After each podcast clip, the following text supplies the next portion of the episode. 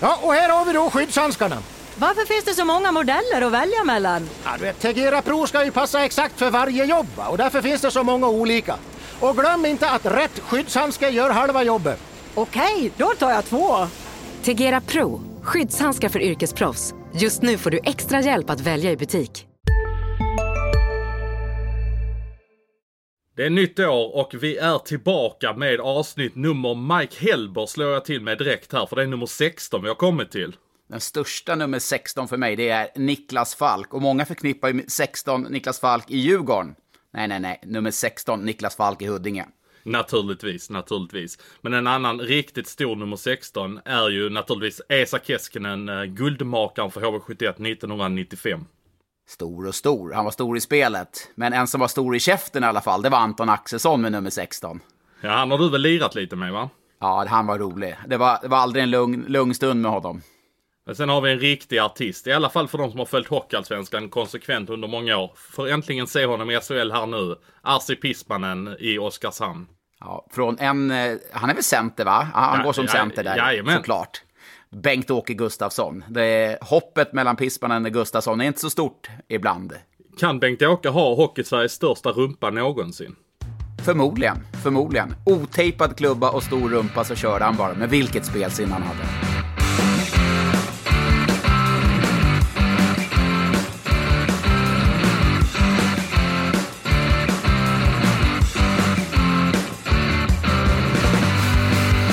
Vi tänkte vi skulle inleda Nej, det vänta, här lite, nu. vänta lite, vänta lite. Vi är tillbaka. Har du stått i eh, Malmöklacken någon gång när, ni, när Malmö gick, eh, tog sig till SHL eller Elitserien som det hette då? Ja, 2005, eller 2006 menar jag. Då gjorde jag det. Leksand, Körde du, var du inne på isen, var inne på isen och skrek vi är tillbaka? Ja, men det är väl mer Leksand som körde Vi är tillbaka. Eh, men eh, jag, jag var inne på isen. Vi hade faktiskt en liten tävling internt på ståplats. Att den som var först in på isen eh, fick hela kvällen betald av det andra kom, de andra i kompisgänget. Så jag kammade hem den tävlingen. Så det var gratis också. Oh, jäklar, vilket minne. Eller kanske inte var något minne då. Nej, precis. ja, vi är som sagt tillbaka och nu, eh, nu ska vi brinna av direkt här tänkte jag. För nu, eh, nu är det dags för ett statement känner jag. Och jag kan nästan garantera att du håller med mig om detta. Och kan du tänka dig vad jag tänker på då? Ja, det, nu, det måste vara domargnället, domartjafset. Ja, ja, vi har ju varit inne på det här tidigare, hur less vi är. Men är det, är det den du vill börja ja, på direkt? Ja, ja men, men jag känner att nu, eh, det får räcka nu. Och jag, jag, jag känner att det blir lite dubbelmoral här nu från min sida. Jag har ju stått och intervjuat Dick Axelsson här under, eh, under jul och nyår när eh, de var nere och spelade i Malmö. Och, och fick en grej där han bara sågar domare till höger och vänster. Och ja, det var ju jätteroligt för mig att jag kunde dra in klicken och hela köret. Men det, det sätter fart på reptilhjärnor ute i landet som inte är bra. Vad tänker du på? Ja men, det sätter, ja, men det, det sätter ju fart på andra människor som inte kan hantera den här ilskan. Och jag, jag hör grejer som händer. Alltså jag, jag har pratat med en domare som där hans barn alltså har fått besök på skolgården av folk som pratar om hur deras pappa dömer. Det är inte okej. Va? Oj, oj. Ja, nej. Jag har ju också pratat med domare. Ja, det här gör ju mig så jäkla upprörd. Alltså, det är alltså domare i SHL som har fått rena mordhot. Eh, det har vi kunnat läsa om i tidningen.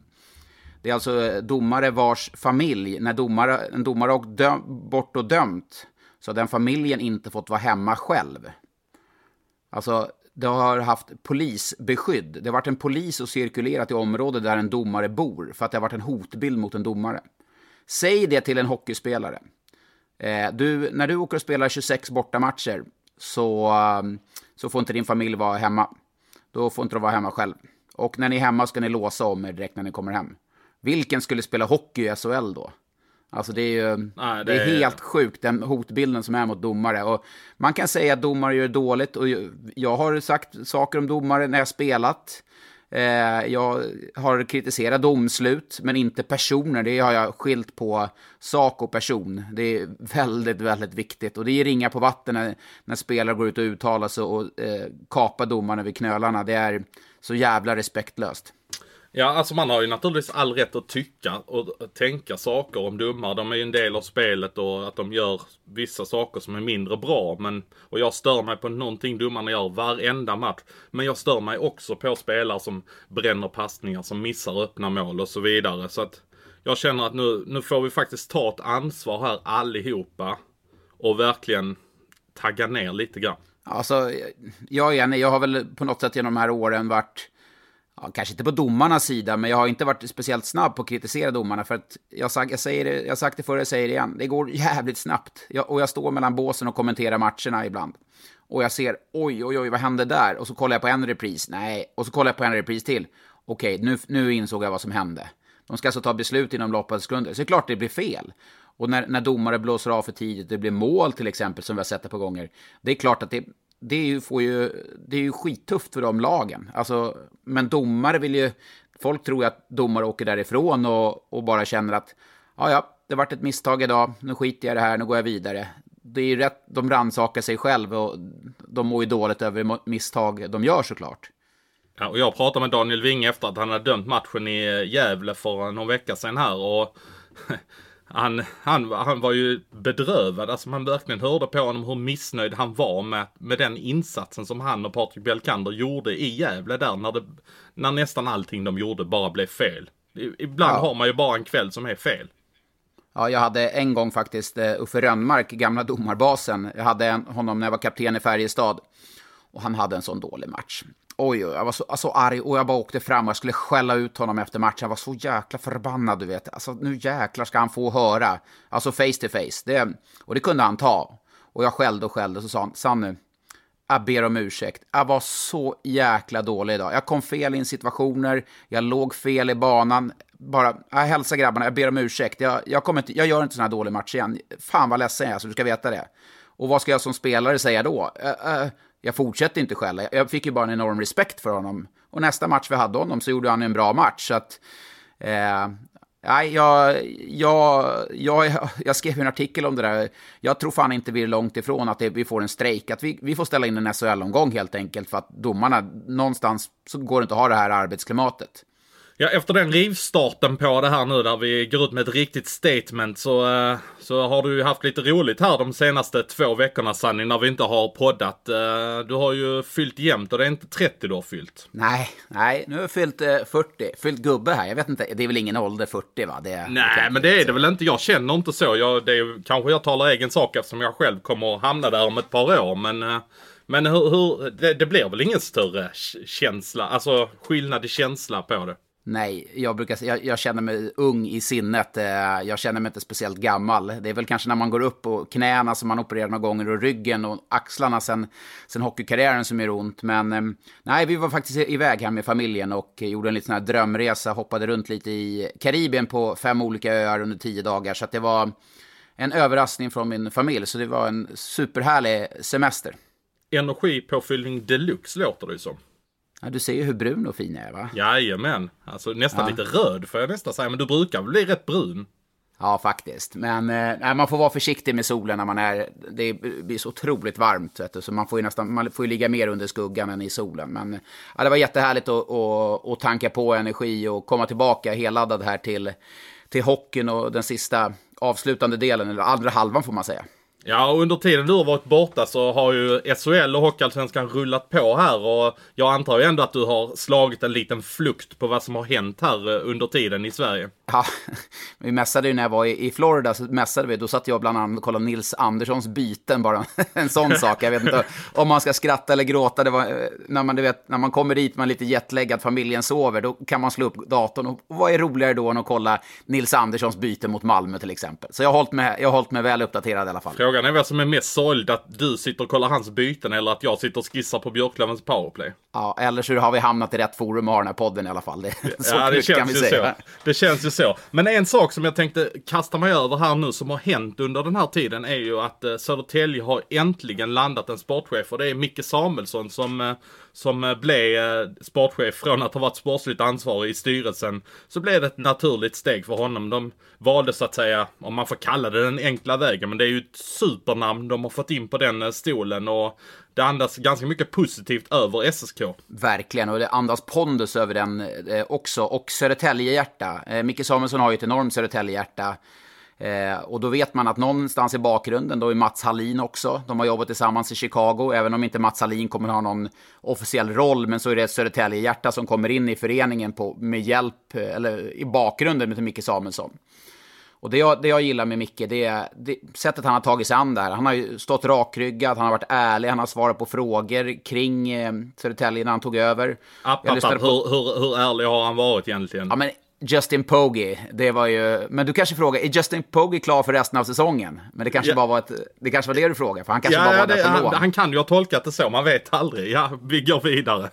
Nej, bortsett från det då. Men det jag menar är att liksom, utåt mot supportrarna så har han sagt väldigt bra saker. Jag lyssnade på en podd här, Hockeypuls, med Adam Johansson när Micke Samuelsson var där i början på november. Den, den, är, den är riktigt bra den podden. Jag, ja. jag lyssnar också på den och han kommer ut med ett avsnitt eh, med en intervjupodd då varje vecka med profiler från mittmedialand och riktigt eh, bra poddar faktiskt. Ja, nej, men det kan vi rekommendera lyssning. När ni, om ni eh, rattar in på den här så får ni ratta det vidare till Hockeypuls med Adam där sen. Men det Micke, eh, Micke Samuelsson då sa då, att han sa det krävs ingen talang att jobba hårt. Alltså det är det han kräver av spelarna. Och han tycker inte att han har sett någon identitet. När han har gått till Scania-rinken så har han inte känt någonting.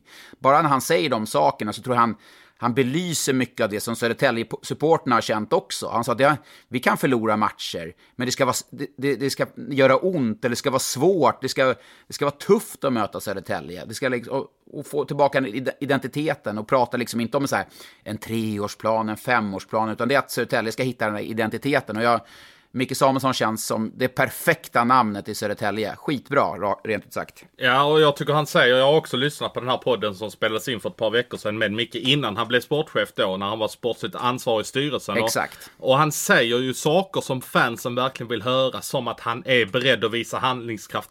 Om det inte blir, eh, om det blir lite förluster som han staplar på hög, ja då får vi se över det och så måste vi titta efter om vi kan hitta någonting annat. Eh, han stänger inga dörrar någonstans utan det är ju saker som folk verkligen vill höra också. Jag tror att det, att det inte bara är snack utan det kommer ju bli den typen av handlingar också. Såklart. Och jag menar, han har varit på den absoluta toppnivån. Han har vunnit Stanley Cup, han har vunnit VM-guld, han har vunnit OS-guld, han har spelat med några av världens bästa spelare med och mot såklart. Eh, varit runt eh, en av några av världens bästa ledare. Så att det är klart att han, eh, han kommer få en jättestor påverkan på Södertälje. Och det känns ju intressant här för, för framtiden, för det börjar ryktas om att att det kanske kan ro in lite namn här också, eller att de är ute och fiskar lite namn till nästa säsong. Ja, där har jag hört både det ena och det andra. Nu, nu är det ju sådana här namn som ofta hörs kring klubben till exempel. Men nu tror jag att det kan bli rätt mycket allvar i det. Att man kanske gör en riktig stöd på Linus Widell som är född 85. Dragan Umicevic är född 84. De kanske har något, då, något sug och kanske göra någonting i SSK innan de avslutar sina karriärer. Ja, jag, jag, tror också det. Jag vet att Micke Samuelsson ringde till, till Dragan redan inför den här säsongen för att kolla status på honom. D definitivt kommer göra det igen. Och jag tror liksom att de här som har ändå Södertälje-hjärta, så man får säga att... Eh, jag tror, räknar även in Tom Vandell där, Djurgårdsspelaren, att skulle man kunna få in en sån trio inom ett till två år eh, så har man ju eh, framförallt en första kedja av Södertälje-hjärta och få den moroten och kunna eh, plocka upp Södertälje i SHL på något sätt där fansen tycker att de hör hemma. Eh, det skulle vara eh, jätteintressant, för Södertälje, säga vad man vill, det är en förening som ändå berör. Ja, verkligen. Och de har verkligen fans som, alltså de har en beläggning på matcherna. De har en fanskara som, som kan engagera, som verkligen bryr sig om sin klubb. De har ju en bas som verkligen är genuin. Ja, nej men det är hålla tummarna nu för Södertälje och att de får ordning på det där. För det känns som att det har varit misskött och det har ju Micke Samuelsson sagt också. Att han, han tycker inte att det, att det inte har funnits någon sportchef där. Det var ju, för, som han uttryckte det om sin egen förening, sandlådenivå. Och det har vi varit inne på lite också där Svensson. Ja, jag tänkte faktiskt, jag skulle, jag hade faktiskt en fråga om Södertälje jag tänkte ta lite senare, men jag tänkte jag lyfter upp den redan nu. Det kommer från Dennis Hult. Eh, jag skrev ju tidigare i höstas att eh, du skrev att Södertälje eventuellt är ett lag som kan bli vårens lag. Eh, som jag ser laget mer eller mindre dagligen blev han förvånad. Vad är det du tycker har blivit så pass mycket bättre och skulle kunna bli, eh, som gör att det skulle kunna bli en rolig vår för oss SSK-are?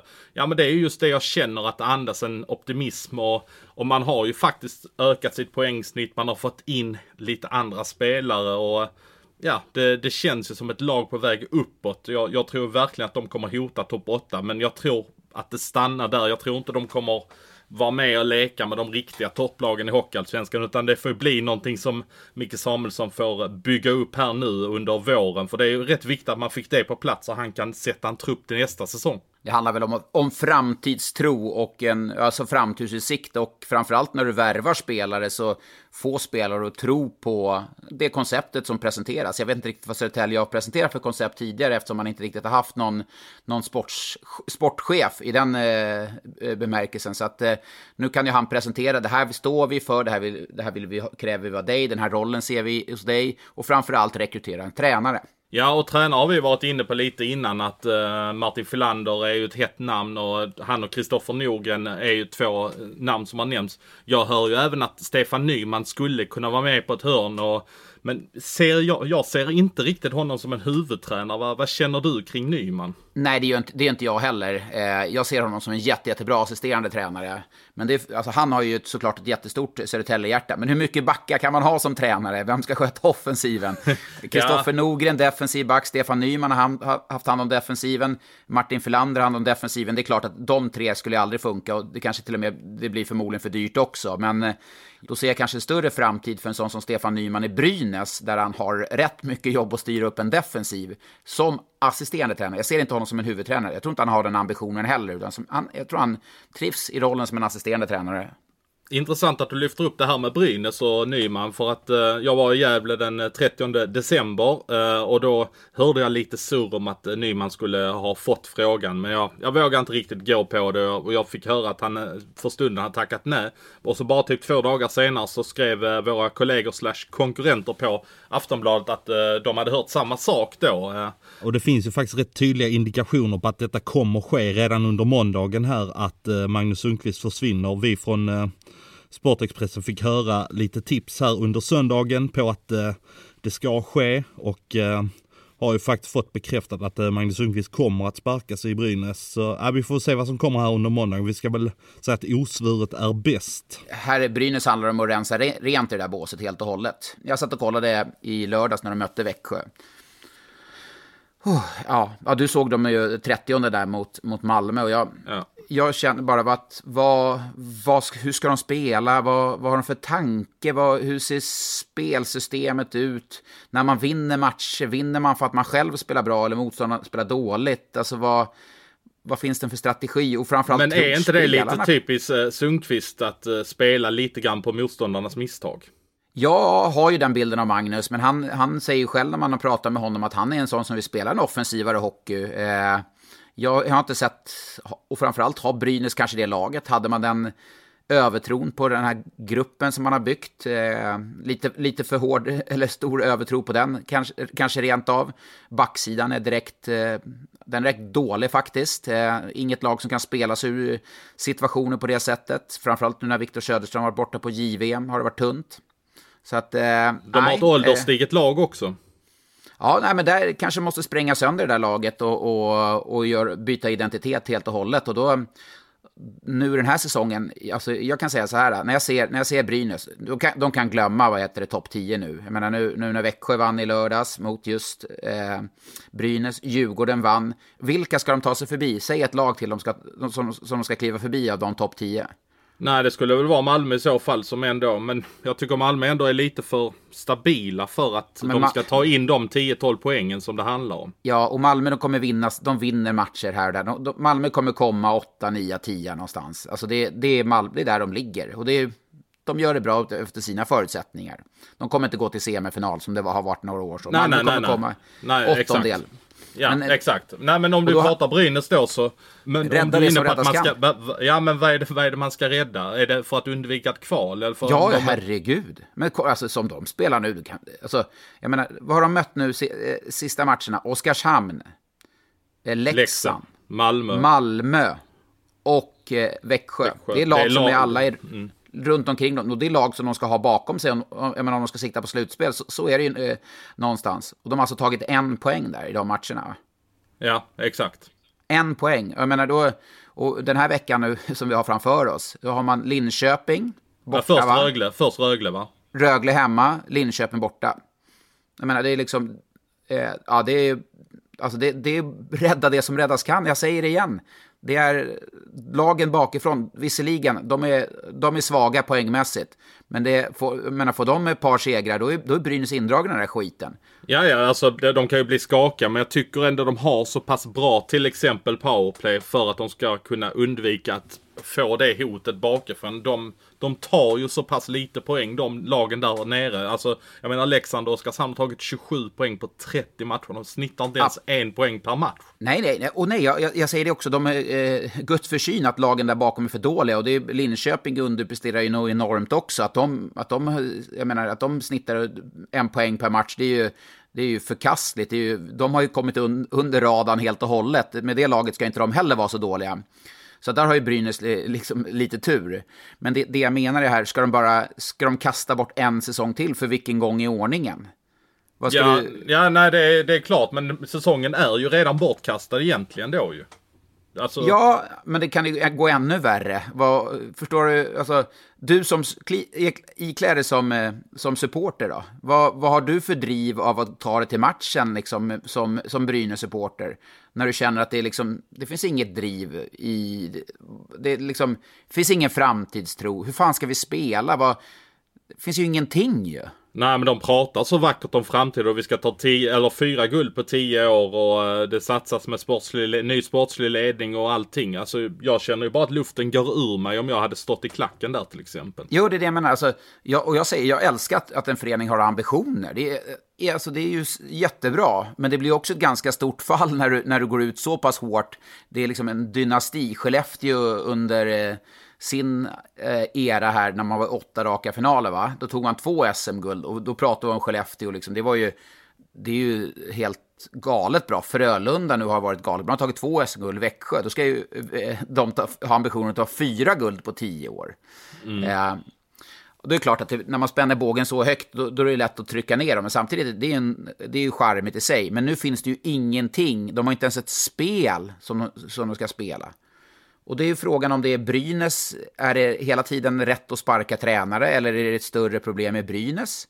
Eh, jag vet, jag har inte full insikt i den föreningen, men någonting ja. måste göras. Ja, men då får de ju ta ett, helt enkelt ett stort jäkla omtag inför nästa säsong igen. Alltså, ja, det, men... det, det är inte mycket att be för. Ja, men det, det, skulle de göra inför den här säsongen också. Då, då ska man göra det en gång till. För jag menar, att göra en riktningsförändring, man säger att Linköping har gjort en riktningsförändring nu. Ja, och ser vi någon skillnad? Hur stort tålamod ska man ha med den? Färjestad gjorde en riktningsförändring för några år sedan. Vi ser ju skillnaden. Eh, Frölunda gjorde för ett gäng år sedan. Vi ser skillnaden. Skellefteå för ännu fler gäng år sedan. Det måste ju ske en förändring, en förbättring och framförallt att man ser att det går, åt si går att man får handlingskraft och att det faktiskt går framåt. Ja, men då måste de ha en ny tränare. Nästa säsong. Ja, det måste de ju ha. Ja, då är det ditt jobb att lyfta fram ett namn till mig. Ja men det kan jag göra på studs för jag vet att eh, vad de har undersökt också. Eh, jag vet att de tittar på, att, eh, på, på, Björn Hellkvist i Modo. De har ju sett vad han har presterat där och han har tagit upp Malmö och är på god väg att lyfta upp Modo här nu också. Jag vet att Modo bara går och drömmer mardrömmar om att Björn ska söka sig vidare till SHL. De hoppas jättemycket att han ska ta beslutet att stanna kvar och går Modo upp så är jag helt säker på att Björn kommer att stanna kvar. Men annars så tror jag verkligen att han överväger att gå till, eh, till SHL om han får ett erbjudande från Brynäs. Är han eh, rätt person på, eh, lek med tanken om han skulle gå till Brynäs? Det finns ju en naturlig koppling, jag förstår ju det med Micke Sundlöv som då var sportchef i, i Modo, som tog Björn Hellkvist till Modo. Eh, är han rätt person för det jobbet?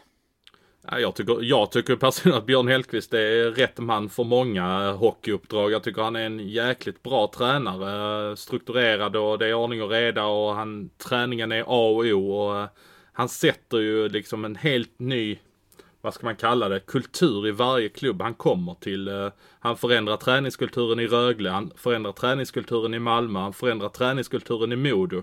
Så att eh, det kanske är det som behövs också. Om vi tittar på, jag såg att du var väldigt kritisk till till exempel en sån enkel sak som backcheck när eh, Växjö gör 1-0. Alltså Björn hade ju aldrig tillåtit en sån som Tommy Sallinen att göra den backchecken. Alltså han hade säkert blivit bänkad på studs om, eh, om, eh, om Björn hade varit tränare ja, då, då skickar man signaler. Det, det, gör de, det gör de inte i Brynäs på det sättet. Manberg åker runt och, och flöjtar runt och Brodecki, han hade ingen aning om vilken position han skulle ha där på Växjös 1-0 mål. Men de får ju spela vidare ändå som, som om inget hade hänt. Och ja, Manberg gjorde ju ett misstag även på eh, avgörande 3-0 målet när han helt plötsligt började dribbla i egen zon. Eh, så det är klart att saker och ting måste få, få konsekvenser. Men det, när du är, så ska man också säga, när du är pressad, när, när saker och ting går emot en, som spelare är du, du är skör. Du är inte så jäkla kaxig som spelare. Du, du tar inte samma initiativ i spelet. Du vågar inte hålla i pucken. Du vågar inte göra de här naturliga sakerna som du gör när du har, eh, när du har framgång. Men då är det så viktigt att ha ett grundspel, ett tryggt grundspel. Typ Växjö, Sam Hallam. Har de varit stressade under den här perioden? Känns inte så va? För, förlita sig på ett grundspel. Nu är det ytterligheter om man säger så. Men har Björn Hellkvist det lugnet, tryggheten i sitt spelsystem, att, att, han kan, att han, en organisation kan förlita sig på. Går, går lite tungt så har vi ändå ett tryggt grundspel, eller?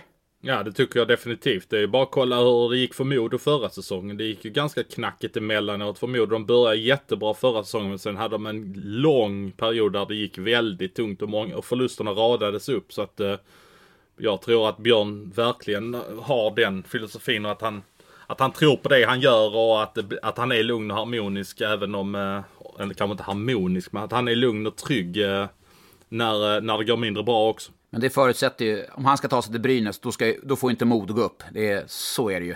Nej men exakt, går Modo upp så tror jag att det, då, då vill han ju verkligen stanna kvar där. Fortsätta på det han har byggt upp någonstans. Så att, Eh, jag, jag skulle kunna tänka mig att det är fler i SHL som skulle kunna tänka sig Björn som tränare. Jag, I och med att han har presterat på så många olika ställen, bra klubbar också, så så tror jag det. Jag tror någonstans tror jag också i grunden att både Malmö och Rögle ångrar att de inte hade tålamod att köra vidare med Hellkvist när, när han lämnade klubbarna. Så vi får väl se om Hellkvist kan vara någonting för Brynäs till nästa säsong. För den här säsongen lär det inte bli oavsett om det sker en tränarsparkning eller inte. Men om Modo ska gå upp då, då är det ju antingen Leksand Oskarshamn eh, eller Linköping då, som det ser ut nu, som de måste kvala mot. Är det de tre som vi ska cementera i botten? Jag, jag gav en liten varningsflagg för att Brynäs skulle behöva, kanske behöva blandas in bland dem. Eh. Ja, alltså jag, jag håller inte med dig om att Brynäs ska behöva blandas in där, men uh, annars är det ju naturligtvis de tre. Det är de tre som ligger uh, som de tre sista lagen i serien. Och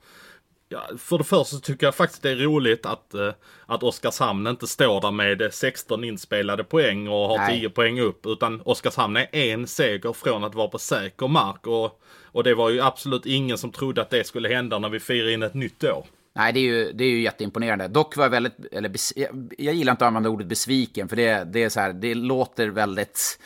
Eh, klart jag inte är besviken på Oskarshamn, men när, som de presterade mot Djurgården i lördags, eh, Eh, så tycker jag de gjorde en skitmatch rent ut sagt. Efter att ha kommit från en bra period, fullsatt hemma, Djurgården kommer ett skadedrabbat, liksom, lite ursäkter för att inte kanske prestera. Då hade jag förväntat mig att Oskarshamn skulle liksom köra över Djurgården, eller köra över, men vinna mot Djurgården i alla fall.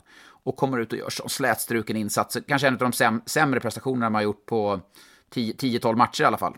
Ja, alltså jag läste på vad lokaltidningen skrev i Oskarshamn och Christian Gustafsson som är krönikör där i tidningen. Han sa att det definitivt var sämsta insatsen på hela säsongen från eh, Oskarshamn. Och han sa faktiskt en annan eh, detalj som jag snappade upp lite grann att varför tog inte Oskarshamn chansen att spela Oskar Nilsson på line-upen och ge laget en sån jäkla energikick som de gjorde när Jonas Engström kom tillbaka och det blev ett sånt satans jubel en liten detalj som hade kunnat skapa energi i början av matchen till exempel. Ja, och de hade ju ett, eh, Oskarshamnsfansen hade ju ett härligt tifo också och välkomnade Oskar Nilsson tillbaka. Eh, viktig pjäs att få tillbaka, men det är klart att han skulle varit på line-upen. Men eh, en alldeles för dålig match. Linköping också alldeles för, menar, för dåliga. Leksand eh, klarar inte att göra mål, ger fortfarande upp för billiga mål och de bärande spelarna får man ändå, nu får man börja liksom prata om elefanten i rummet lite här tycker jag. Eh, de bärande spelarna i Leksand, Fransson som skulle vara den bästa toppback i serien, inte alls en toppback. Patrik Zackrisson som var en toppvärvning, inte alls en toppspelare. Rivik tycker jag gör det bra. Ahnelöv lite för mycket skadad tycker jag dock har varit rätt bra när han har spelat. Men, och Jovonen, målvakten, han har väl fått lite fart nu när Enroth-ryktet har kommit igång. Men utöver det så, så är de fem som ska bära laget har inte varit tillräckligt bra. Nej men det, så är det ju. Och, um, det är väl Alltså det är väl det som är Leksands problem att de lastar ju så fruktansvärt mycket pengar och förtroende på de spelarna. Nu, nu när de inte levererar så är de ju rätt sköra. Du kan ju rabbla upp Spencer Abbott där också till exempel. Ja, just det. Spencer Abbott. Ska han, Spencer Abbott, ja, han borde väl göra ett eget poddavsnitt om känner jag. Han, han känns ju som han, han, han ens vara i Leksand. Nej, det, det, det, känns inte så. Jag, jag fattar inte varför han går till en... Det måste ju vara någon ekonomisk grej att han går till en nytillkomling när han, när han kommer från Mora och vet hur det är att ligga i botten av SHL. Det är något helt annat än när han eh, trivdes som fisken i vattnet när han var i Frölunda när de vann SM-guld 2016. Definitivt. Och eh, han har inte den träningsviljan tror jag. Eller han har inte det. Jag, jag tror han skickar väldigt dåliga signaler till gruppen. Eh, tar i sättet att träna och så. Jag, jag tror att så, när han inte presterar på isen nu så tror jag han är mer en belastning för, för Leksand än en tillgång. Eh, så att där, alltså, jag brukar inte vara så hård, eh, men jag vet själv när ledande spelare i lagen inte, inte ställer upp och, och gör det här hårda jobbet på träningar och... och...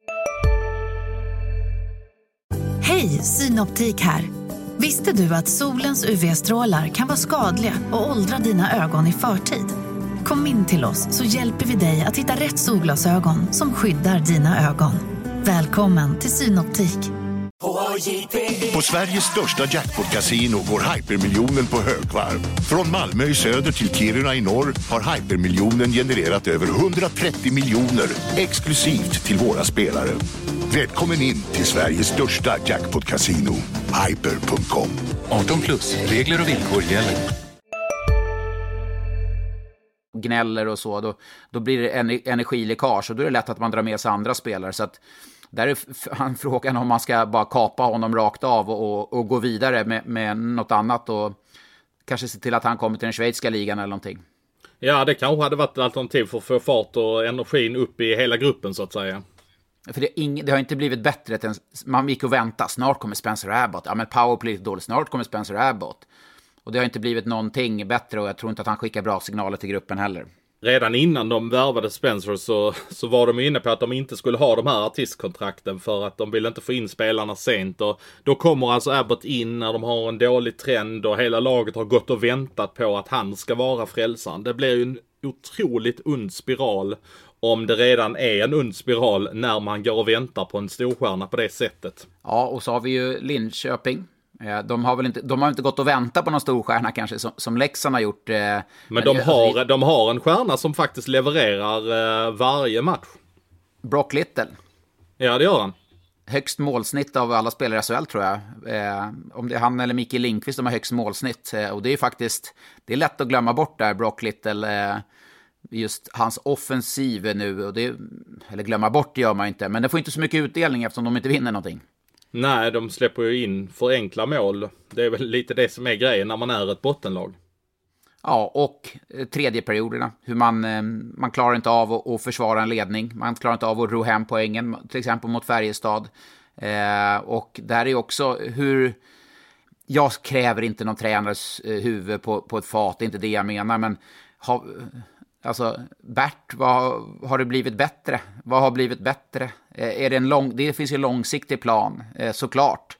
Men vad, är det någonting som tyder på att det blir bättre? Kommer fler spelare vilja gå till Linköping nästa år för att de ser oj, här har händer det grejer? Nej, då får man ju börja visa det de här sista tre månaderna att, eh, att det verkligen är någonting. För annars så kommer det ju bli någonting ont här denna våren och sommaren också. Och att, eh, och att spelare talar lite illa om det för att det inte lyfter. Nej, för du måste, det är som du säger, ska du göra en riktningsförändring så måste du också se en utveckling i det. Och det, ja, det är klart att det finns ju utveckling i Linköpings spel från match 1, Men det är ju det är ju det är, ingen, det är inte jättestor skillnad. Eh, de jobbar hårt, försöker jobba hårt. Eh, det händer inte så mycket. Ganska dålig defensiv, ger upp för billiga mål. Eh, mentalt känns de väldigt sköra med tanke på alla förluster. Så att, eh, intressant att se hur många år den där riktningsförändringen kommer ta om man inte har eh, utveckling heller. Men man får ändå säga det att eh, de gjorde faktiskt en riktigt bra match i Karlstad i 45 minuter, typ. Men en hockeymatch varar ju 60 minuter som bekant. Men de 45 minuterna tyckte jag var riktigt bra. De skapar bra chanser också. Men sen är det ju naturligtvis en mental grej. När Färjestad får 1-1 då är man mer rädda om den poängen man har och så vidare. Ja, och Färjestad gick ner på lite folk och började spela sina bästa spelare lite mer Ejdsell där bland annat. Och det är klart att då, då, blir det, det blir tufft. Så är det ju. Och, och som jag sa om Brynäs som spelare är man skör. Jag, jag, jag, är inte dummare än att jag förstår eller jag har inte glömt bort känslan av att förlora mycket. Det, det är tufft. Men eh, samtidigt så, så, tycker jag att visst, man gör några bra matcher, men Oskarshamn till exempel, när, man, när alla förväntar sig att de ska vinna, då klarar de inte av att prestera. Vad har de tagit en poäng av nio mot Oskarshamn, va? Är inte något äh. sånt? Eller två? Ja, de har förlorat alla tre matcher i alla fall mot Oskarshamn. De har förlorat mot eh, Oskarshamn alla gånger, absolut. Så att jag menar, för mig tyder det på någonting att eh, när man förväntar sig att kunna vinna och inte kan föra spelet, då, då är det någonting som inte stämmer. Men om vi kom, kommer tillbaka till Leksand där lite grann nu pratas det ju om enrot och sådär och jag får också lite sådana signaler. Det är ju många som kanske vill spä på en sanning också. Men kommer Jonas Enroth att, att gå in och rädda Leksand eller? Om han nu kommer dit den här säsongen. Ja, alltså.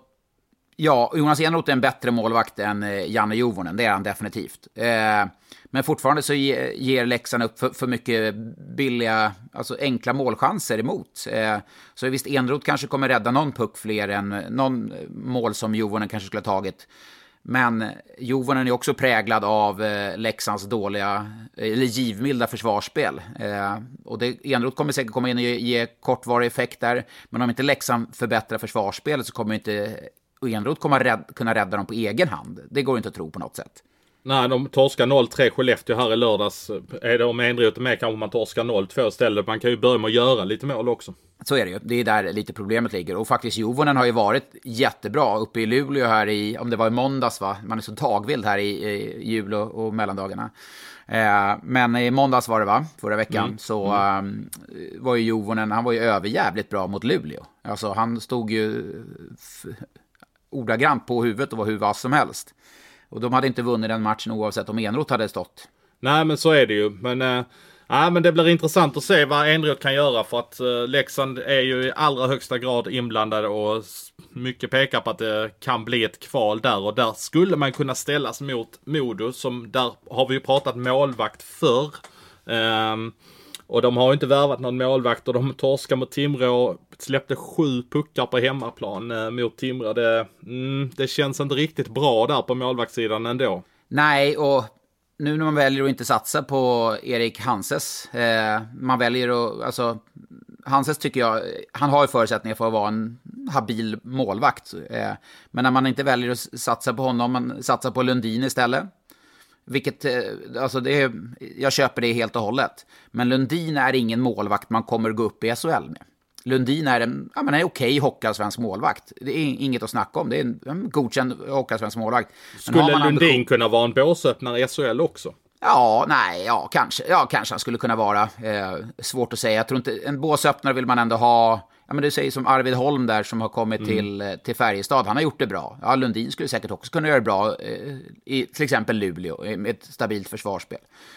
Men ska, eh, ska Modo gå upp så behöver de, en, ja, men då behöver de en målvakt som har stått i kvalmatcher, som har, som har gjort det bra och ja, som har en utvecklingspotential också. Ja, JVM avslutades precis. Eh, Norlinder, eh, backen där i Modo, han ska alltså vara kvar nästa år. Det var väl du som skrev om det här under mellandagarna. Det var väl en rätt, rätt bra julklapp för Modo-supportrarna, tänker jag. Ja men verkligen, jag eh, lyckades få ut den här precis när det blev julafton, fem minuter in på julafton, fem minuter in på din födelsedag. Då, ja han ska bli kvar i Modo, det, i alla fall om de, de säkrar ju så att säga upp honom om, om man går upp nu. i SHL. Men vänta nu, det där, alltså om, om Modo inte går upp i SHL mm. och Norlinder är eh, kvar i Hockeyallsvenskan. Ja men det, kom, han få... men, men det kommer han ju inte vara om de inte går upp. Nej men då, alltså, det var en jättefin nyhet av dig, men det kommer ju aldrig, det kommer aldrig genomföras. Antingen kommer han åka över till Nordamerika.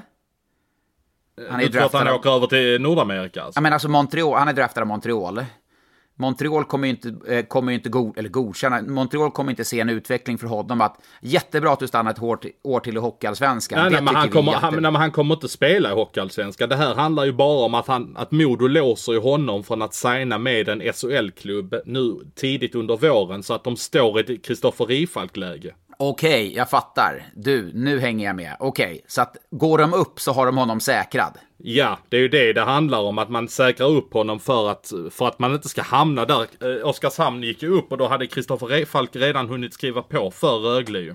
Ja, Okej, då fattar jag. Okej, men då är jag med. Då var det ju lysande julklapp du bjöd på, för då får vi ju hoppas för Modos del att de går upp så de får behålla Norlinder. För jag, jag, när jag tänkte när jag läste det där så kände jag att okej, varför då? Han kommer väl ändå, Montreal kommer inte tillåta honom. Men jag köper, jag hör vad du säger, jättebra. Ja. Har du några andra nyheter om Modo också, eller? Och du kan bjuda på? Nej, jag har inga nyheter, men jag har faktiskt ett förslag på det här kring målvaktssituationen. Att eh, vem som skulle kunna komma in i Modo som kanske är lite hungrig efter ett kvalspel som du, eh, som du pratar om. Och då, då har jag en som inte får spela i Växjö just nu som de värvade, som de har kontrakt med nästa säsong, Erik Källgren. Eh, han var ju med i AIK när de eh, mötte Oskarshamn här i eh, förra våren då. Vänta nu, vänta nu. Då pausar vi här. Var det Anders Gossis största misstag skulle du tro? Var det jag hörde rykten nämligen, jag vet inte om det stämmer, men Anders Gossi klev in hos eh, Erik Källgren, het som en kamin i kvalspelet. Och han gick in och sa att Johannes Jönsson ska spela, han är värvad för det. Definitivt, det, det, det, var så det var. Det var så det var. Det, det har jag fått signaler på. Klart och tydligt att det var eh, Gossis beslut helt och hållet att det var Jönsson som skulle stå. Han var värvad för att han skulle stå de matcherna. Och Källgren var ju, ja, han var ju eh, riktigt vass eh, innan det och eh, ja, det var väl, förändrade väl kanske förutsättningarna lite eller för AIK. De kanske hade till och med gått upp. Nu ska vi inte dra, gå händelserna i förväg, men nu är Nej de ju... men, nej men alltså jag tror inte du är långt borta från sanningen att det skulle kunna vara så om, om de hade kört vidare på Källgren. För det var en otroligt positiv spiral för Källgren. Och det är det som gör att jag tror att kommer han in och avslutar säsongen i Modo så tror jag att han brinner något fruktansvärt för att, eh, att göra ett bra kvalspel och vara med och ta upp ett lag. Men varför skulle Växjö släppa honom då? Ja men det är väl ändå positivt för Växjö om de ändå har Andrén och Fast som, eh, som gör det bra nu och eh, har kontrakt med Källgren nästa säsong. Då är det väl bättre att få bra matcher på Källgren så att eh, de förbereder honom på bästa sätt inför nästa säsong. Ja, och då det är ju, skulle man kunna provtrycka Källgren där. Klarar han inte, eller liksom, om han inte levererar som de tycker, ja men då kanske Modo kan behålla honom nästa år, om de inte går upp. Skulle Modo gå upp eh, med Källgren så har han gjort jättebra reklam för sig själv och eh, kan gå tillbaka till Växjö. Så det är väl ekonomiskt säkert eh, han, liksom, genomförbart också, kan jag tänka mig, för Modo. Ja, och jag, jag tror som sagt att Källgren hade brunnit fruktansvärt mycket för det. Så att eh, jag tror det har varit en bra lösning för alla parter. Jag förutsatt att inte Växjö får några skador på några av målvakterna då. Så då, då slår vi fast det då. Källgren till eh, Modo. Vi ger en sen julklapp till Fredrik Glader i Örnsköldsvik helt enkelt. Vi kan göra hans jobb. Jajamän, ja vi har gjort det nu ju så.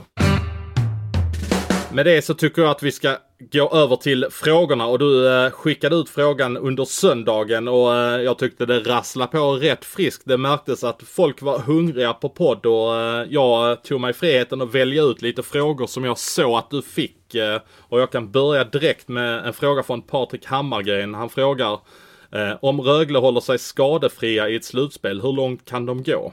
Ja, du kan svara om du vill. Jag säger så här, skulle, om vi börjar den här änden. Jag, håller Frölunda som favorit i, i, i ett slutspel. Eh, men skulle Frölunda få Rögle i en kvartsfinal, alltså det, Rögle kan rubba Frölunda. Ja, ja men det, det, det Ja, håller men- jag med om. Jag tror att mycket kan hänga på vem som får vem i, i slutspelet, vem som faktiskt vinner. För jag tror till exempel att Färjestad-Luleå skulle ju jubla om, eh, om eh, Frölunda stöter på Rögle och åker där. För då tror jag att deras chanser ökar. Jag tror att Luleå har lättare att slå ut Rögle än vad de har att slå ut Frölunda till exempel. Definitivt. Eh, men jag säger så här, är, är Rögle skadefria så är det ett semifinal. Det, är, det, ser, det skulle man definitivt kunna gå till.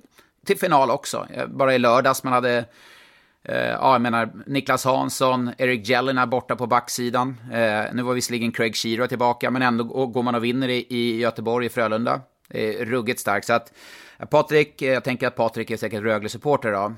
Eh, Så att eh, ja, semifinal, förutsatt att man är skadefria. Men har man det här laget nu, det blir ganska tunt i en bästa sju-serie eh, när man har så mycket skador. Så det kommer inte att hålla, då, då blir det kvartsfinal. Då. Men annars semifinal definitivt.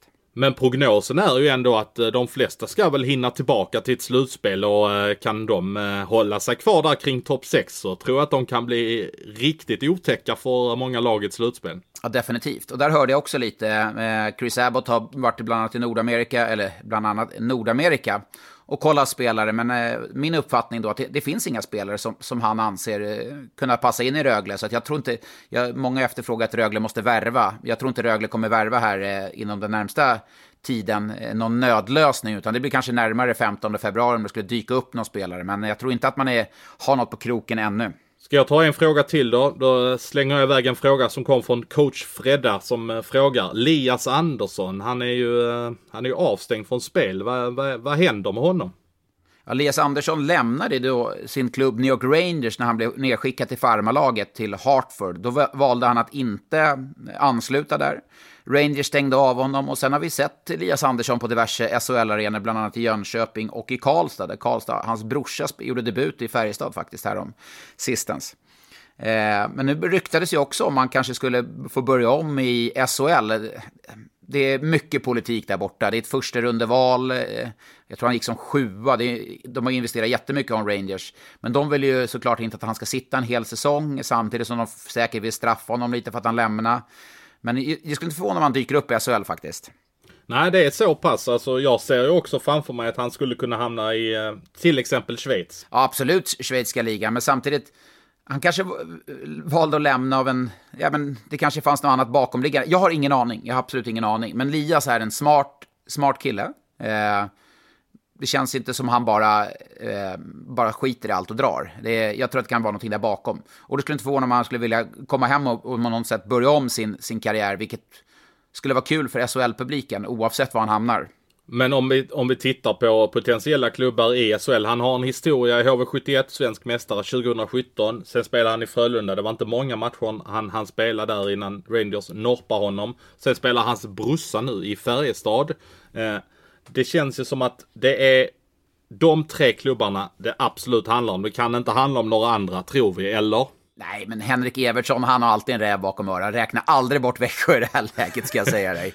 Nej, det kan jag väl förvisso hålla med om. Det hade varit en ganska rolig stöld om det hade hänt. Absolut. Nej, men eh, det känns ju som att Frölunda skulle vara naturliga, men Frölunda har, jag vet inte hur de, Lias är en, han, han, är en super, han är en stjärna i SHL. Men då ska också Frölunda göra plats för honom i, i, laget. Vem ska man ta bort om du tänker att det ändå, han ska ha en plats väldigt högt upp. I HV så är det ju, det är en naturlig roll. De saknar ju fortfarande liksom en första center. Eh, så att det, det, skulle väl vara det mest naturliga om han gick till, eh, till HV71 med tanke på att han har en historia där också. Men brussan och lockas och spela i samma förening som brussan. Ja, det är kanske brussans eh, plats i laget. Han, han skickar väl ur brussans möjligheter att spela i A-laget om han kommer dit. ja, det kanske han gör. Nej, men det hade ju också varit lite roligt med tanke på att Färjestad och Frölunda är ju lite rivaler, precis som HV och eh, Frölunda är. Så det hade ju rört om lite. Men första valet för honom, det, det borde vara eh, Frölunda. Sen ska det också finnas plats där och det är jag inte lika säker på. Måns Severin här frågar till dig Johan. Du som erkänt hatar höga tröjnummer. Innebär att, eh, innebär att port, eh, podden kommer bli kortlivad? ja, äh, om jag ska ta när det gäller nummer så ska jag säga så här att är det någonting jag har som står absolut högst upp på hatlistan så är det ärvda nummer. Det är när eh, när det kommer in en spelare som till exempel Pontus Widerström här nu i Färjestad och helt uppenbart går in och ärver Jarno Karkis 67 Helt utan att det finns någon rimlig koppling mer än att tröjan är liggande så att säga. Det, det är ju det, nummer ett på hatlistan. Jag kan köpa höga tröjnummer om det finns en rimlig tanke med det. Till exempel Adam Ullas Mattsson som har nummer 73 för att hylla sin mamma. Kristoffer Liljevall har 52an för att hylla sin pappa. Eh, det köper jag så att visst, jag har byggt upp en bild av mig själv ganska hårt på att jag inte gillar de höga nummerna men så mycket avskyr jag inte dem. men vilket är det värsta numret i SHL jag har, jag har ett på rak arm. Uh, vänta här nu. Uh, det som jag stör mig uh, mest på uh, genom tiderna i SHL är ju när tidiga Gagliardi skulle åka runt med nummer 72. Ja ah, men det ser coolt ut. Utan någon koppling. Det, det störde mig mest. 66 då på en målvakt, Tex Williamson. ja, men han får väl inte ha sexan. Han vill ju ha nummer sex för att det rimmar på tex. Ja, te, såklart. 66 tex. Jag tänkte Ja. det var någon bingo, bingo, eh, bing, bingo koppling. Ja, ja. En annan här då. Eh, Joel Högberg. Det är tjatigt, men varför sätter sig inte SHL och domarna ner och pratar igenom vad som ska vara mål och inte? Alltså ett krismöte. Viktiga poäng står på spel och domarna pissar på lagen rent ut sagt. Brynäs till exempel varit helt bortdömda mot Malmö när de tar bort ett regelrätt 2-0-mål. Och då ska vi bara säga till Joel Högberg här, vi började prata om domarna. Domarna dömer ju efter direktiven de har fått. Det står alltså att man i målgården ska man döma strikt till målvaktens fördel. Vilket ordet strikt, det, läm det lämnar egentligen ingen an övrigt och, Alltså strikt är strikt. Här, nu är det ju bara, alltså jag har sagt det tidigare, det är ju SHL som styr över ligan. Alltså det är klubbarna som styr över ligan. Samla 14, eh, ja Johan Hemlin. Nu, eh, ja det är ju helgdag idag, det är ju någon julhelgdag, jag vet inte vad de alla helgdagarna heter. Men tisdag klockan två är det möte, samtliga sportchefer, klubbdirektörer ska befinna sig i, på Globe Hotel i Stockholm. Och så lämnar man inte det rummet förrän alla är överens. Och så har man en videokonferens där alla klubbdirektörer står i kör och sjunger ut att så här har vi beslutat. För ingen klubb verkar tycka om det här som det är nu, eller hur? Nej, det Men varför ändrar man inte då? Ändra det då om, om du inte tycker om det. Ja, men vad ska man ändra till? Nej, men att, att du får göra bedömning igen i målgården. Du får liksom, nu är det ju så att du styr Ja, men då är, vi, pucken. då, är vi, då, är vi, då är vi tillbaka till vad vi var förra säsongen. det Nej, det en är vi ju inte. Det är vi ju inte alls det. För att utanför målgården var ju det som var lite strul i fjol. Utanför målgården.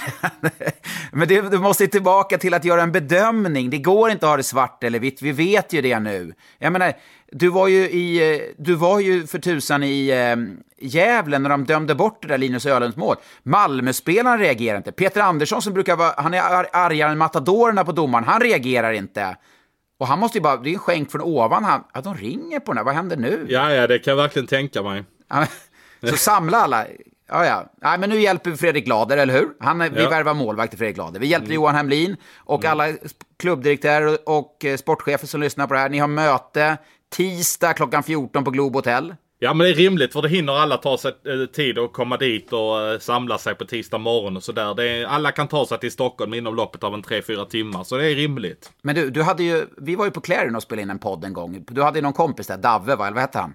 Ja, David ja. Ja, han fixade ju det värsta poddrummet med arraksbollar. Kan du ringa honom och fixa ett rum på Clarion Hotel Sign istället? Arraksbollar till alla, domare, alla ska bara vara glada. Och så, och så lämnar man inte det rummet förrän man är överens. Ja, och det var sjukt gott kaffe så man blev på riktigt bra humör också. Ja, det var det också. Ja, ja men det är bra. Då kör vi på det. 14.00 på Clarion Hotel Sign. Det är bara att infinna sig allihopa och så startar vi upp med det, de nya reglerna från och med torsdag. Ja, men det låter bra. Det låter bra. Ja. Eh, Du, jag skickar en fråga till då. Ja. Det kommer från eh, Tony Linnanki. Med reservation för hur jag uttalar det. Är ena streckstriden cementerad nu? Eller tror ni att ett lag kommer falla ihop totalt från plats 10 och upp eh, och ett av de undre börja, kommer börja vinna? Det var lite luddig frågan där. Men tror vi att eh, streckstriderna är cementerade? Alltså då pratar vi kring topp 10-strecket. Ja, de som är topp 10 nu, de kommer gå till topp 10. Brynäs kommer inte ta sig förbi, Linköping kommer inte ta sig förbi, Leksand, Oskarshamn kommer inte ta sig förbi. Så, ja, det, det är spik på det helt enkelt. Så det var ett enkelt svar på frågan. Ja, men har, du motsätter väl inte? Nej, det, det gör jag definitivt inte. Nej, det ser jag inte hända. Ehm, du, jag tar en från mailkorgen också. Vi har fått ett mail från norra Finland från en kille som heter Oskar Löppenen. Det är ändå lite roligt från norra Finland. Är det inget vykort då? Nej, tyvärr inte. Tyvärr inte. Nej. Jag har inte varit inne på redaktionen och kollat om det har kommit några vykort heller. Men eh, Oskar, eh, han skickar faktiskt en fråga till mig. Eh, ofta har ju spelare förebilder som de ser upp till. Och eh, han undrar, har jag någon förebild eller idol inom mitt yrke? Till exempel någon som är förbannat skicklig på att avslöja övergångar eller vad det nu kan vara. Eh, nej, det, det skulle jag väl inte säga faktiskt att jag har någon sån eh, som jag har tagit inspiration av utan eh, jag triggas av eh, konkurrensen som är här och nu känner jag faktiskt. Eh, det är väl i så fall eh, kanske eh, Mattias eh, Ek och Henrik Sjöberg som ändå har varit på Expressen som hockeyreporter när jag kom in. Att jag tog lite inspiration från dem när jag, när jag började på Expressen. de hade ju ändå varit där lite längre då. Så att de har ju ändå hämtat lite inspiration från. Ja, jäkligt äh, läckert ändå att fejka ett mejl till mejlkorgen för att fråga lite om sig själv. Jag har också fått ett mejl här från Peter. Hej Sannu, kan du berätta lite om din fantastiska karriär och hur otroligt... Du gjorde ju sex mål där 2010-2011 var SM-guld. Kan du inte berätta om alla dina sex mål? Ja, och berätta om uh, målet mot Detroit och så vidare. Vi har gått igenom allting du har gjort. Ja, Lägg av nu. nu Lägg okay, av nu. nu tar jag ett, nu tar jag ett, ett mail till här och det är inget ja. fake denna gången. Eh, det är från Anders Trulsson. Han har ehm, han har länge tänkt på den här öppenheten som Viasat Hockey hade när de sände Hockeyallsvenskan med domarna. Den känner han att han saknar enormt och han tror att det hade minskat allt tjafs på sociala medier. Eh, innan jul fick man på Instagram ställa frågor till domarna på SHLs konto. Uh, och uh, han har ju då läst den intervjun jag gjorde med Daniel Wingen som la av som domare och han uh, bekräftar ju själv att han saknar eh, Viasats frågestund med domarna. Så Sanni, varför gör ni inte detta i Simor? Det är uppenbarligen något som alla skulle tjäna på. Nej, men det är av olika anledningar tror jag. Dels så när Viasat gjorde det så då hade de ju en huvudmatch de sände. Det var ju alltid på den matchen som eh, när de hade studio på plats som de gjorde det. Eh, jag vet att Hockeyallsvenskan gör det med Lars Lindberg och Harald Lyckner och gänget. De har ju domarna nere om det skulle vara någonting. I SHL finns det inga restriktioner whatsoever, utan domarna, blir de tillfrågade så kommer de dit. Det finns ingen sån här att eh, vi ska bara svara på de här de här frågorna. Är det någon situation, och vi har haft studier ute, så har vi tagit in dem, framförallt i slutspelet i fjol. Eh, men jag tror inte att det är något självändamål från, från Simors sida, eller att eh, försöka ha domarna så mycket som möjligt på SHL-sändningarna. Eh, sen om det är rätt eller fel, personligen så tycker jag kanske inte att det, det gav inte mig speciellt mycket alltid när domarna är där och inte alltid när de är i Hockeyallsvenskan heller och, och pratar om situationer. Men absolut, jag kan ta med mig det till chef, cheferna på Simor och, och, och, fråga och försöka komma med ett svar. Eh, till, kanske till en podd här längre fram om, om det är av intresse för folk. Ja, men jag känner ju att eh, så fort, eh, det kände jag i alla fall när det var den här tveksamma matchen i Gävle med Linus Öhlunds mål, att när det är den typen av situationer som blir väldigt diskuterade så skulle ju SHL faktiskt, de har ju en stor plattform själva, att man går ut och förklarar varför dömde vi så här och vad är det som gäller. Jag tror det hade minskat väldigt mycket. Kanske att man gör som Hockeyallsvenskan gör och har en genomgång med domarna efter varje varje match finns det ett litet videoklipp med domarna om det har varit någonting tveksamt. Och även om det inte har varit någonting tveksamt så lägger man ändå ut snuttar på 30 sekunder för att domarna har kommit till tals med någonting. Ja, absolut. Och jag menar, det är också så som den situationen där uppe i, i som du pratar om med Linus Ölens mål i Malmö som vi har pratat om idag tidigare. Eh, självklart ska SHL gå ut och, och, och, säga på sin plattform varför man gör den bedömningen. Eh, så att det liksom inte ska råda några oklar, eller oklarheter kommer det göra såklart ändå. För, eftersom det är lite tycke och smak och vad man själv anser. Men de ska i alla fall berätta varför de gör en viss bedömning. Men just i den matchen, så, eftersom inte det är en huvudmatch, säger man så, vi hade studion på den platsen uppe i, i Skellefteå den dagen. Hade det skett i Skellefteå så är jag helt övertygad om att Simon hade plockat in domarna i studion för att få deras syn på situationen där. Men det är svårare när det inte är en huvudmatch som man har studio. Eh, rent tekniskt tror jag är lite svårare. Men då skickar jag en julklapp även till Thomas Torsbrink och eh, SHL. Eh, se till att eh, få era domare att synas på er egen plattform eh, betydligt mer. Ja, vi kommer fram till höjdpunkten i podden. Eh, ställningen, minns du det efter jul eh, här och eh, mellandagarna på ja, du, tog om fy, du, tog, du tog om fyra eh, på Martin Lundberg, så du gick väl om en poäng va? En poäng ja, jag tror att det står 11-10 till mig, men jag leder med en poäng i alla fall. Men du har chans att eh, ta ledningen i alla fall. Eh, är du redo? Ja, men jag är redo. Du ser att jag har papper och penna här rakt framför mig, så att jag är mer än redo. Då kör vi på fem poäng. Han har spelat en JVM-turnering och där gjort fem mål. Uh, nej, den, uh, den tar jag inte. Den var, den var tuff på ja, fem poäng. Mm. Mm. Uh, denna säsong så har han gjort nio poäng på 19 matcher i SHL. I fjol gjorde han 14 poäng på 50 matcher. Båda dessa säsonger som junior. Som junior, okej. Okay. Uh, så att... Uh, så han är junior i år också? Eller vad sa du nu? Denna säsong 9 poäng på 19 matcher i SHL. I fjol 14 poäng på 50 matcher. Och båda de här säsongerna som junior. Oj. Nej, men jag tar inte den. Jag känner mig lite stressad här nu, så det har nog låst sig lite. Men eh, kör vidare på trean. Tre poäng. Han, som junior så har han spelat i AIK, Timrå, Klemensnäs och i Rögle. Dock aldrig i eh, superelit med Rögle. Ja, men då eh, ska jag avlägga ett svar här till dig på eh, trepoängaren. Tre poäng. Du har avgett ditt svar och du eh, står fast vid det Johan? Ja, jag känner väl det. Om du inte har lurat mig nu så... så Nej. eh, Mm. Två poäng. Var Sveriges näst bästa poänggörare i årets JVM-turnering. Är du Kör fortfarande på. nöjd med ditt svar? Ja, men nu är jag, nu är jag jättebekväm med mitt svar. En poäng.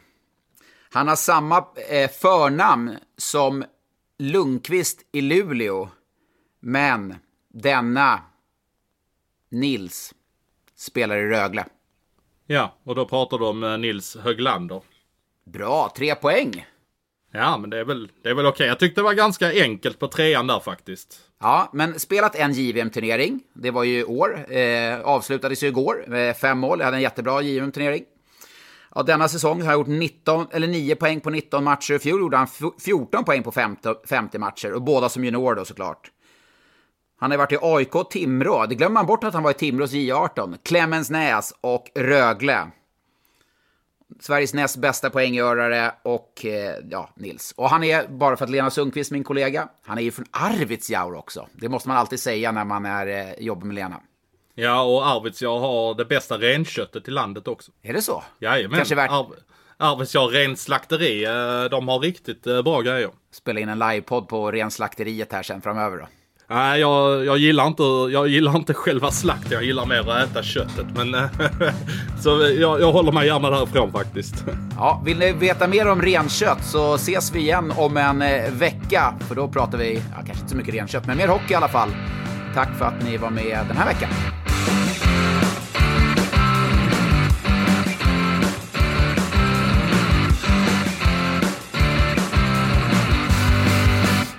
Du har lyssnat på en podcast från Expressen. Ansvarig utgivare är Klas Granström. Upptäck hyllade XPeng G9 och P7 hos Bilia. Våra produktspecialister hjälper dig att hitta rätt modell för just dig. Boka din provkörning på bilia.se xpeng redan idag. Välkommen till Bilia, din specialist på XPeng. Just nu pågår vår stora season sale med fantastiska priser på möbler och inredning. Passa på att fynda till hemmets alla rum, inne som ute, senast den 6 maj. Gör dig redo för sommar. Välkommen till Mio.